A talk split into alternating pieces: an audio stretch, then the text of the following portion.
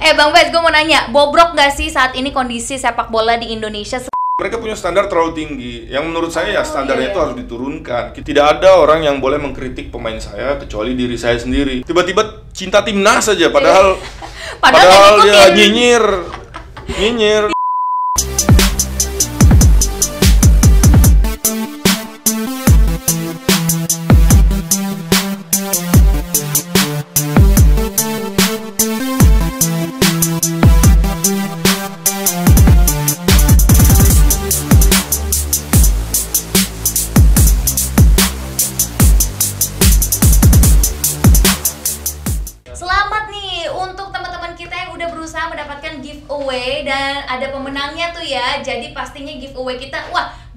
Kaleng-kaleng Bang Bes, ini beneran Ah. terjadi. Dan juga bagi teman-teman yang belum beruntung kemarin ikutan giveaway, jangan berkecil hati karena kita akan selalu adain giveaway setiap minggunya.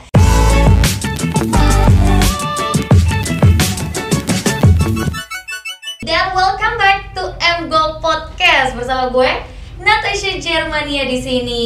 Nah, hari ini adalah hari yang sangat spesial karena ini adalah episode kita yang ke-9 dan kita mengundang salah satu bintang tamu yang pastinya spesial banget karena ini banyak banget nih nama dia yang di-request di kolom komentar YouTube maupun di Instagram juga ada. Nah, akhirnya untuk memenuhi keinginan kalian, kita undang nih ke sini yaitu Bayu Eka Sari. Halo. Namanya bener ya, Bayu Eka Sari. Nama akte. Nama akte dipanggil dikenal sebagai Bang Bes. Iya. Nah, inilah dia Bang Bes. Bang Bes, apa kabar hari ini? Baik dong. Baik Tetap ya. semangat. Tetap semangat dan percaya proses. Gue lihat maskernya di sini tulisannya Percaya prokes juga. Percaya prokes juga Ah. harus. Nah, sebelum kita ngobrol lebih jauh lagi, Bang Bes, ayo kita kasih ini nih ya. Oke. Ini adalah pelindung mic kita demi menjaga prokes pastinya di. Endgo Podcast. Dan boleh juga dibuka maskernya kalau lo mau silahkan. Nah, tapi sebelumnya nih, sebelum kita ngobrol-ngobrol juga, gue mau info juga nih Bang Ah, Bes. boleh. Selamat nih untuk teman-teman kita yang udah berusaha mendapatkan giveaway dan ada pemenangnya tuh ya. Jadi pastinya giveaway kita, wah bukan kaleng-kaleng Bang Bes, ini Ah. beneran terjadi. Dan juga bagi teman-teman yang belum beruntung kemarin ikutan giveaway, jangan berkecil hati karena kita akan selalu adain giveaway setiap minggunya. Yes, benar banget. Artinya setiap minggu kita akan bagi-bagi uang, cuan, lumayan banget kan? Caranya gampang banget lagi. Cukup tinggal like video kita, subscribe channel YouTube ini, terus komen kenapa kalian yang berhak untuk mendapatkan giveaway dari kita. Komen sebanyak-banyaknya juga nggak apa-apa. Yang penting jangan lupa untuk cantumin Instagram kalian. Biar kalau misalkan kalian menang, kita langsung hubungin via Instagram kamu, oke? Dan juga jangan lupa eh, uangnya ditabung ya, ditabung. Dan juga Bang Bas langsung aja nih kita ngobrol-ngobrol apa kabar? Baik sekali. Kabar baik. Terus habis itu kesibukannya lagi apa aja nih yang dikerjakan? Oh ada lumayan banyak ya pekerjaan pada bulan ini khususnya karena ada lagi ada Euro, Hmm. Euro, ya kan. yes. Anyway, yaudah, gue pengen nanya-nanya kan lebih Ah. dalam lagi tentang Bang Bes. Mungkin orang-orang kalau misalkan mendengar kata Bang Bes, taunya eh, dia di lapangan, taunya dia as a coach ya di Yes. Liga 2 sekarang di Rans Cilegon ya Rans. Cilegon FC. Rans Cilegon FC. Nah, di sinilah kita akan ngulik seperti apa atau background apa yang dimiliki oleh Bang Bes ini sendiri. Nah, sebelumnya gue pengen nanya udah berapa lama sih Bang Bes berada di kancah dunia sepak bola Indonesia ya? Dunia sepak bola. Saya kembali ke Indonesia tuh tahun 2016. Baru ya, Eh, berarti bah- belum lama? Belum lama, 2017 langsung kerja di dunia bola Oke. karena satu tahun buat saya cukup buat coba kerja kantoran di Indonesia. Mhm. Agak sedikit sulit karena harus adaptasi lagi dengan macetnya Jakarta, dengan tuntutan kerja yang eh, istilahnya berbeda lah dengan waktu saya kuliah dulu. Dan akhirnya saya memutuskan pekerjaan apa kira-kira yang cocok buat saya, yang saya bisa lakuin dengan nyaman, dengan Iya.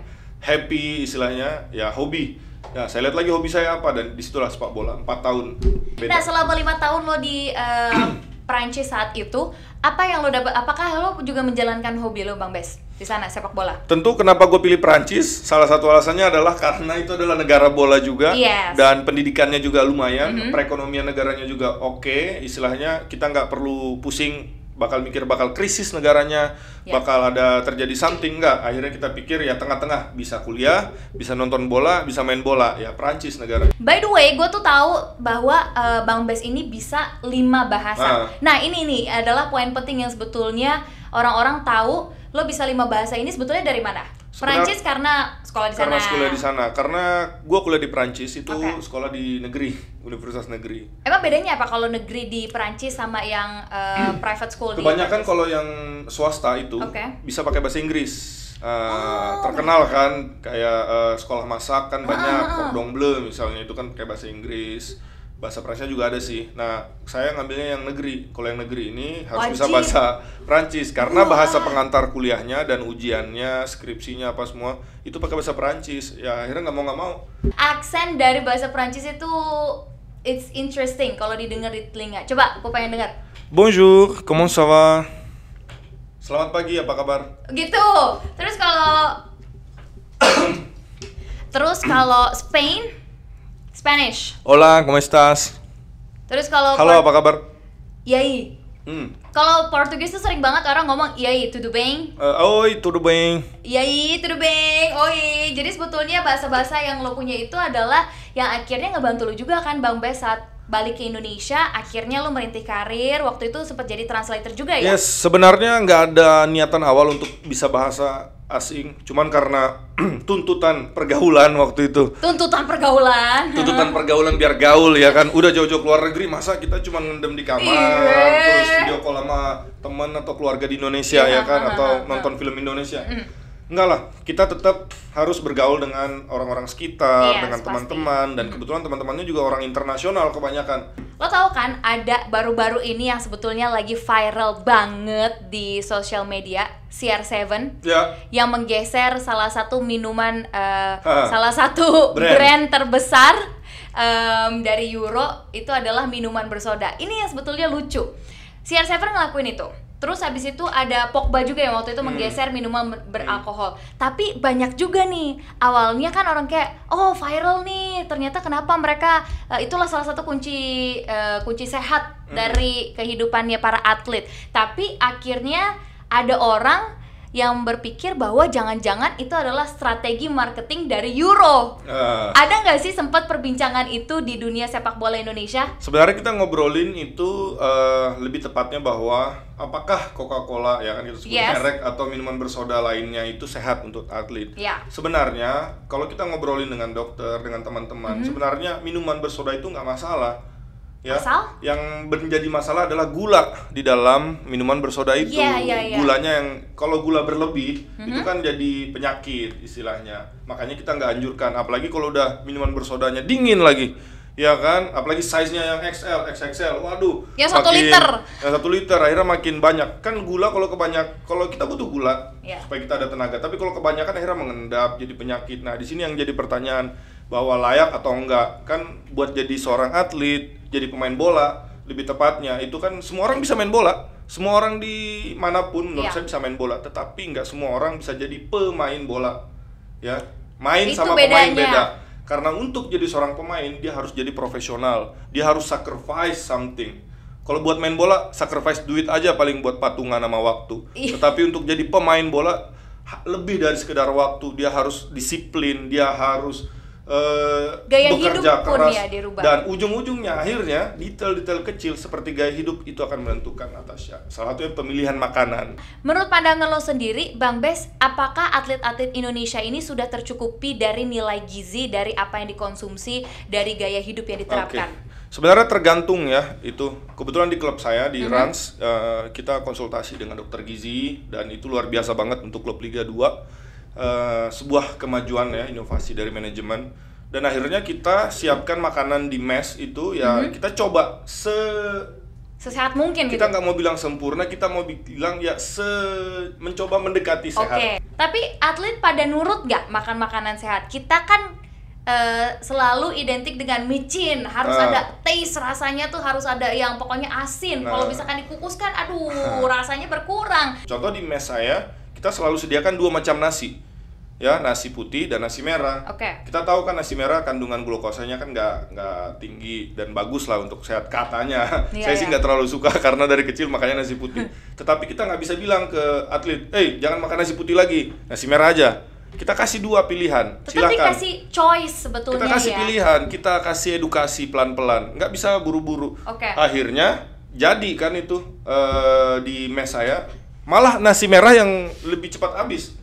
karena ternyata mereka juga punya willingness, Ini, will- kemauan yes, juga, mereka yes, juga yes, pengen yes. berubah dan ini luar biasa banget dan saya istilahnya sebagai pelatih wah luar biasa. Sebetulnya anak-anak. akhirnya patut diapresiasi ya, ya, ya benar-benar. Benar. itu. Akhirnya ya sehat bareng-bareng deh. Tapi pertanyaannya kenapa sih sekarang artis-artis tuh tiba-tiba kayak beli klub bola secara serentak? Emang lagi lagi ngetren nih? Ya sama kayak sepeda ya awal-awal gitu kan orang semua naik sepeda Semua tiba-tiba beli sepeda. semua ada masanya pasti tetapi Ya. yang sekarang ya kita sebagai fans saya Mhm. sebagai orang yang kerja di dunia bola sangat happy sangat welcome dengan teman-teman yang dari Mhm. dunia selebriti mulai mengakuisisi karena pasti mereka datang membeli atau mengakuisisi atau melakukan eh, perbaikan di manajemen di Ya. klub itu pasti ada dampak positifnya dan semakin banyak orang yang ikut berkecimpung apalagi yang tidak punya eh, istilahnya tanda kutip dia nggak punya eh, keinginan yang lain selain Ya, sepak bola itu yang benar-benar harus kita dukung karena pasti kemauan yang lain adalah dia pengen sepak bola Indonesia itu maju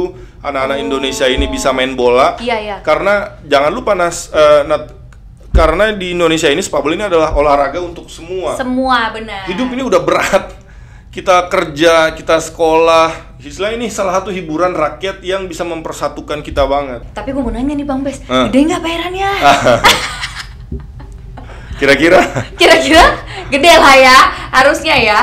kita bisa jawabnya dengan kata cukup Cukup, enough, pokoknya cukup untuk kehidupan kita gitu. Menurut lo adalah di porsi yang cukup gitu ya. Nah, Raffi, em, kita bicara tentang tadi yang pemilik Rans sendiri Hmm. yaitu Arafi ya. Dia pribadinya sendiri ke Rans FC ini seperti apa?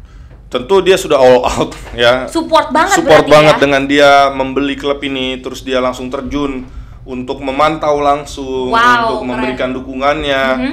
ini udah 100% banget dia udah benar-benar terjun pengalaman dia eh, 20-an tahun di dunia entertainment benar-benar dia eh, share juga ke kita bagaimana caranya dia yang istilahnya success story ya Ya, dia mhm. dari orang yang istilahnya biasa seperti kita tiba-tiba sekarang jadi salah satu orang paling terkenal di Indonesia Yes. itu kan nggak langsung instan butuh proses Nah, itu yang di-sharing juga itu ya? juga sering di sharing ke anak-anak pokoknya jangan menyerah pokoknya kalau kita kalah nggak apa-apa kalah tujuh kali kita bangkit 8 kali Wah. kalah lagi bangkit lagi Terus gimana nih kabarnya Luis Milla? Soalnya kan Bang Bes sempat menjadi translatornya Luis Milla juga ya? Ya coach Luis eh, salah satu pelatih yang luar biasa banget menurut saya dan di karir saya pribadi dia ngasih jejak yang luar biasa banget. Karena pertama kali saya kerja sebagai profesional di dunia bola ya itu di under his wing ya. Karena dia melindungi saya dia ngajarin saya dia benar-benar eh, membagi ilmunya tanpa kurang sedikit pun. Dan sekarang ya belum jodoh aja dia untuk kembali ke Indonesia saat ini Tapi seberapa besar sih peran dari Luis Milla sendiri kepada karir lo yang sekarang, Bang Bes? Kepada karir gua sih luar biasa besar. Gua adalah seorang lulusan sarjana ekonomi yang Agak- akhirnya agak berbeda memutuskan ya. untuk bekerja di dunia sepak bola. Kalau dulunya gua menganalisis bagaimana perusahaan ini bisa profit dengan dia investasi berapa, berapa profitnya. Sekarang anak malah ekonomi banget. sekarang gua akhirnya kerja di dunia bola, yaitu berkat salah satunya karena Luis Milla juga dia ngajarin gua bahwa dia juga bilang ya kita juga bisa eh, istilahnya cari duit di Iya. dunia bola dan bekerja secara profesional. Apalagi ini adalah hobi gua. Orangnya sendiri by karakter seperti apa sih? Dia anggap aja seorang bapak dan pemain itu adalah anak-anaknya dan dia selalu memprotek anak-anaknya itu bagaimana caranya anak-anaknya ini bisa belajar, bisa berkembang, akhirnya bisa jadi pemain bola yang dia inginkan. Bayangin Nat, gimana deketnya dia sama anak-anak. Ketika anak-anak udah mau mau latihan nih, dia selalu nanya, "Apa kabar? Bagaimana keluarga? Sehat semua?" Serius, Dia nanya sampai ke luar- keluarga. nanya keluarga. Akhirnya anak-anak kan nggak terlalu dekat juga sama dia. Bahasa Spanyol pun anak-anak banyak yang tidak mengerti. Ketika ditanya keluarga ya tersentuh. Tapi keren banget ya, walaupun ada keterbatasan Hmm. eh, bahasa di situ, banyak orang yang nggak bisa berbicara langsung kepada Luis eh, Hmm. si Luis Milla yaitu pelatihnya. Tapi Ada cerita lucu. boleh ceritain ke Eh, gue. Bukan lucu sih, menginspirasi Aha. banget. Eh, kan kita di tim nasional itu kan ada gaya bermain tertentu. Iya. Terus ada beberapa kali orang datang, pengamat, dia datang, dia samperin coach, dia tanya, coach kok nggak main tiki taka? Coach Luis itu tidak pernah eh, mengkritik pemainnya secara langsung di depan media. Dia tahu pemain Indonesia itu kualitasnya istilahnya belum di level dunia. Iya, Kita tahu dia Luis Milla kan pelatih timnas Spanyol iya. U19, Aha, aha, aha. pernah main di Real Madrid. Tentu dia punya standar pemain Punya bagus itu seperti benar, apa. benar. Kalau dia pakai standar pemain bagus Real Madrid timnas Spanyol ini dibawa ke Indonesia, ya tentu mungkin kita masih belum di situ. Iya. Nah, tapi dia nggak pernah pakai standar ini, dia pakai standar yang ada di Indonesia. Dia menciptakan standarnya sendiri dia sebenarnya. menciptakan standarnya sini, dia ciptakan gaya mainnya sendiri. Yang waktu itu kita nggak pakai tiki taka karena di Indonesia kan lapangan kurang bagus. Mhm. Mungkin SDM di eh, apa sekolah sepak bolanya kurang bagus mengajarkan passing. Akhirnya dia pakai cara main yang build up, Mhm. terus main vertikal dan akhirnya eh, cocok, lumayan cocok di Indonesia. Menurut pandangan pribadi lo sendiri, Bang Bes, ada perbedaan yang signifikan nggak dengan coach yang sekarang? Maksudnya dari segi tim ya, karena Hmm. kan perbedaan coach itu kan memberikan dampak Yes. eh, besar bagi tim. Kalau pelatih yang sekarang ya kan berasal dari Korea, Iya. dari Asia dan Beda kita tahu gaya ya. eh, gaya bermainnya juga berbeda. Dan kita nggak bisa bilang, Nat, kita nggak bisa ngejudge bahwa pelatih B ini lebih bagus Ya, daripada nggak, pelatih. A atau A lebih bagus dari B. Itu semua relatif. Benar. Yang penting tujuannya tercapai. Benar. Dalam sepak bola tujuan itu adalah menang. Mhm. Ya, kalau dia menang, cara apa pun, latihannya bagaimanapun, gaya Sah-sah main aja mana pun ya. sah-sah saja. Mhm. Tetapi kita sebagai pelatih, kita sebagai penonton, kita punya hak untuk memilih atau untuk suka. Ya, Tentunya pelatih mana pun itu sama aja Nat, karena mereka pasti nggak mau tim Indonesia ini kalah. Terus habis itu eh, sempat juga menjadi translator untuk Simon McManamy. Ini Yes. gimana ceritanya? Karena waktu itu coach uh, Luis tidak diperpanjang kontraknya Ya, karena memang habis. oke. Uh, terus diganti pelatih uh, dari Indonesia waktu itu sempat, terus habis itu dari Scotland, dari UK. Wah, ini benar-benar uh, berbeda bahasanya. Iya. Apalagi coach Simon kan bahasa Inggrisnya yang dari Scotland. Kental banget itu. Kental banget dan ini sebuah tantangan juga buat Aha. saya karena istilahnya bahasa Inggris jarang saya pakai dalam sehari-hari. Cuman kalau nonton gitu kan pasti bahasa Inggris. Iya. Tetapi ya akhirnya ujungnya sama aja. Tetapi yang bisa saya bilang bahwa ketika saya sama coach Simon McNamee Mhm. itu lebih baik daripada ketika saya sama coach Louis karena saya udah punya pengalaman ketika saya sama coach Louis satu setengah tahun dan Iya. pengalaman itu saya bawa ke coach Simon walaupun hasilnya belum maksimal di kualifikasi Piala Dunia tetapi kita udah berusaha memberikan saya pun juga udah ngasih versi terbaik saya eh, buat eh, tim Kasih gue alasan Mm-mm. kenapa akhirnya lo mau jadi pelatih dari Rans Cilegon FC. Gak harus dari Rans sendiri Oh, sih. Rans. Mungkin kenapa apa Akhirnya alasan? Yes. Kenapa jadi pelatih ya karena udah nanggung, udah nanggung. Udah sekitar empat tahunan kerja di dunia bola, terus saya juga ngambil sekolah Ya. pelatih akhirnya lisensi D. itu habis ngambil itu lisensinya di mana di, di sini? Indonesia, Di Indonesia. lisensi D, habis itu nunggu satu tahun, lisensi C, habis itu nunggu dua tahun, lisensi B, sekarang saya sudah B, bisa jadi asisten di Liga 2 dan udah nanggung aja istilahnya udah habisin waktu banyak dan uangnya juga nggak sedikit.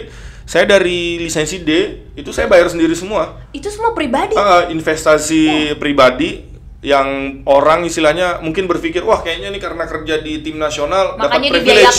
Padahal dapat enggak ya. privilege dapat apa enggak kebetulan sendiri semua Mhm. yang eh, kursus terakhir yang B-nya lumayan dibantu anak sama teman istilahnya Mhm. sponsor tetapi istilahnya sebelum saya memutuskan untuk jadi pelatih itu saya harus berpikir wah ini kayaknya investasi waktu uang juga nah apa hasil investasinya ini ya itu saya harus jadi pelatih Uh, perbandingan apa enak dan gak enaknya jadi pelatih di Indonesia?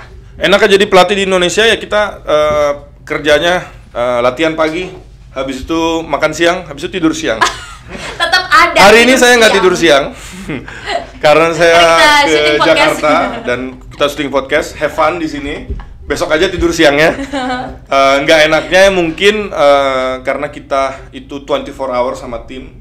Pemain itu udah kayak adik, udah kayak eh, eh, keluarga, udah kayak anak buat yang udah senior, eh, yang masih muda banget. Di situlah waktu kita kesita banget. Tetapi yang namanya bekerja nggak ada yang enak aja ya kan, pasti ada yang harus Iyalah, kita korbankan. ya. Sepak bola mempersatukan bangsa. Ya. Tapi yang gue sebelnya ngelihat orang-orang yang sebetulnya masih suka skeptis dengan timnas kita sendiri. Masih Hmm. suka banyak yang bilang bahwa ah sepak bola Indonesia tuh nggak jelas, bobrok atau Hmm. kurang oke, belum bisa ini nih. Pendapat lo gimana, Bang Bes? Dengar itu kayak gitu. karena mereka standarnya terlalu tinggi. Kenapa kita bangun subuh-subuh, kita nonton sepak bola Eropa? Iya, nonton Iya ini kan? nih. Mereka nonton sepak bola Eropa, sepak bola Eropa standarnya tinggi, udah gambarnya HD, bolanya siarannya bagus, yang main bagus, akhirnya standarnya tinggi. Mereka punya standar terlalu tinggi. Yang menurut saya ya Oh, standarnya iya, itu iya. harus diturunkan. Kita tuh di mana ya kan? Kita nggak bisa hidup melewati gaya hidup kita yang yang kita sekarang istilahnya. Kalau kita bahas kehidupan biasa ya kita nggak mungkin pakai jam Rolex kalau gaji kita mungkin masih 10 juta atau 5 juta ya kan kapan beli jam Rolex Kapan ya iya, benar. ya kita juga nggak bisa cuma nonton sepak bola Eropa yang luar biasa indahnya terus kita berharap timnas kita main kayak mereka Iya. sedangkan mereka sudah memulai sepak bola itu dari berpuluh-puluh tahun yang Benar. lalu dan Apalagi untuk- Inggris. Inggris kan diciptakan di sana. Kita nonton bola kan nonton Liga Italia, Liga Jerman, Liga Prancis. Kita nggak bisa bilang wah bagus nih. Kenapa di Indonesia nggak bisa? Ya kita harus tahu juga kenapa mereka bisa, kenapa kita nggak bisa. Ya kan di Indonesia seperti apa? Menurut saya ada tiga yang kurang di Indonesia Apa yang tuh? harus diperbaiki. Pertama infrastruktur. Di Indonesia infrastruktur harus bagus. Waktu gue kuliah di Prancis, Nat, kita bisa main bola di lapangan publik itu for free. Di mana pun. Dan ini harus patungan bayar Di Indonesia harus dulu. patungan. Sekarang lebih mahal patungannya, Nat. Patungan lapangan, patungan Serius lo? fotografer, Oh. patungan wasit. Yang penting foto-foto. Yang penting foto-foto. Itu infrastruktur satu. Kedua pelatih.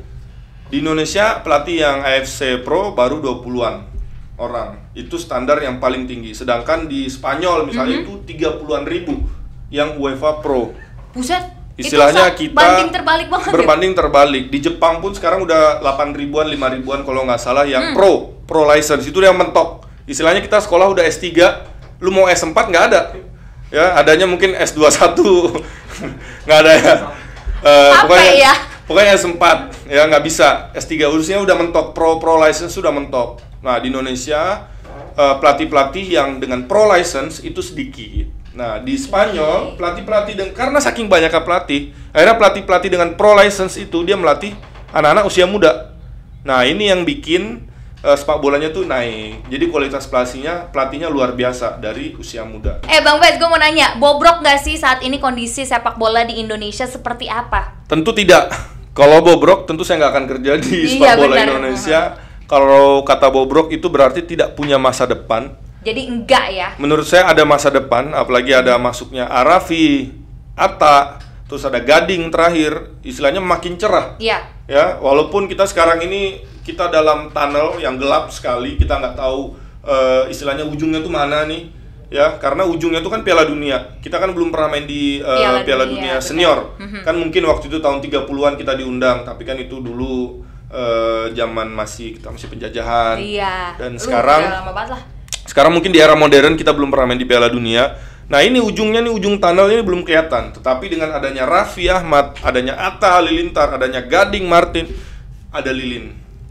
Lilin, Ada- Lilin, Lilin. ada Akhirnya terang. Lilin ini akan menunjukkan jalan, ya. Dan kita yang nggak bisa kita bilang, wah kayaknya nih cuman buat konten ini, kayaknya cuman buat ini. Kalau kita negatif, terus akhirnya nanti ujung-ujungnya kita negatif. Kita harus positif, positif aja dulu. Karena semakin banyak orang yang pengen bantu, pengen meningkatkan kualitas. Di sini naik nih kualitas. Di sini kan, wah kok naik kualitasnya? Ya udah, saya naikin kualitas saya. Akhirnya naik, naik, naik, naik, naik. Akhirnya semuanya mendorong. Ujung-ujungnya kan tim nasional. Iya, Bayangin. benar-benar. Kapan coba? Walaupun Nat nggak jarang istilahnya nonton bola, tapi pasti timnas main, pasti teman-temannya baju iya. ini. Apalagi kalau menang. sosmed. Apalagi kalau menang ya kan. Iya. Tiba-tiba cinta timnas aja, padahal Padahal padahal dia nyinyir, nyinyir. Terus punya pacar gak sih Bang Bes? Alhamdulillah punya. Punya. Jangan sampai salah sebut di Ya. sini. Ditonton nih masalahnya sama ceweknya. Ada ya, ada. Ada, oke. Udah berapa lama pacaran? Ya, pada yang patah hati deh yang nonton Bes sekarang. Pokoknya doain aja eh, tahun ini mungkin kita akan lebih serius lagi. Serius akan ke jenjang berikutnya nih. Iya dong. Wih. Istilahnya kita main bola, kita nggak bisa cuman main di area pertahanan, harus Oh, build harus up, sampai ke harus depan. naik, harus ke depan. Ujung-ujungnya kan harus cetak gol.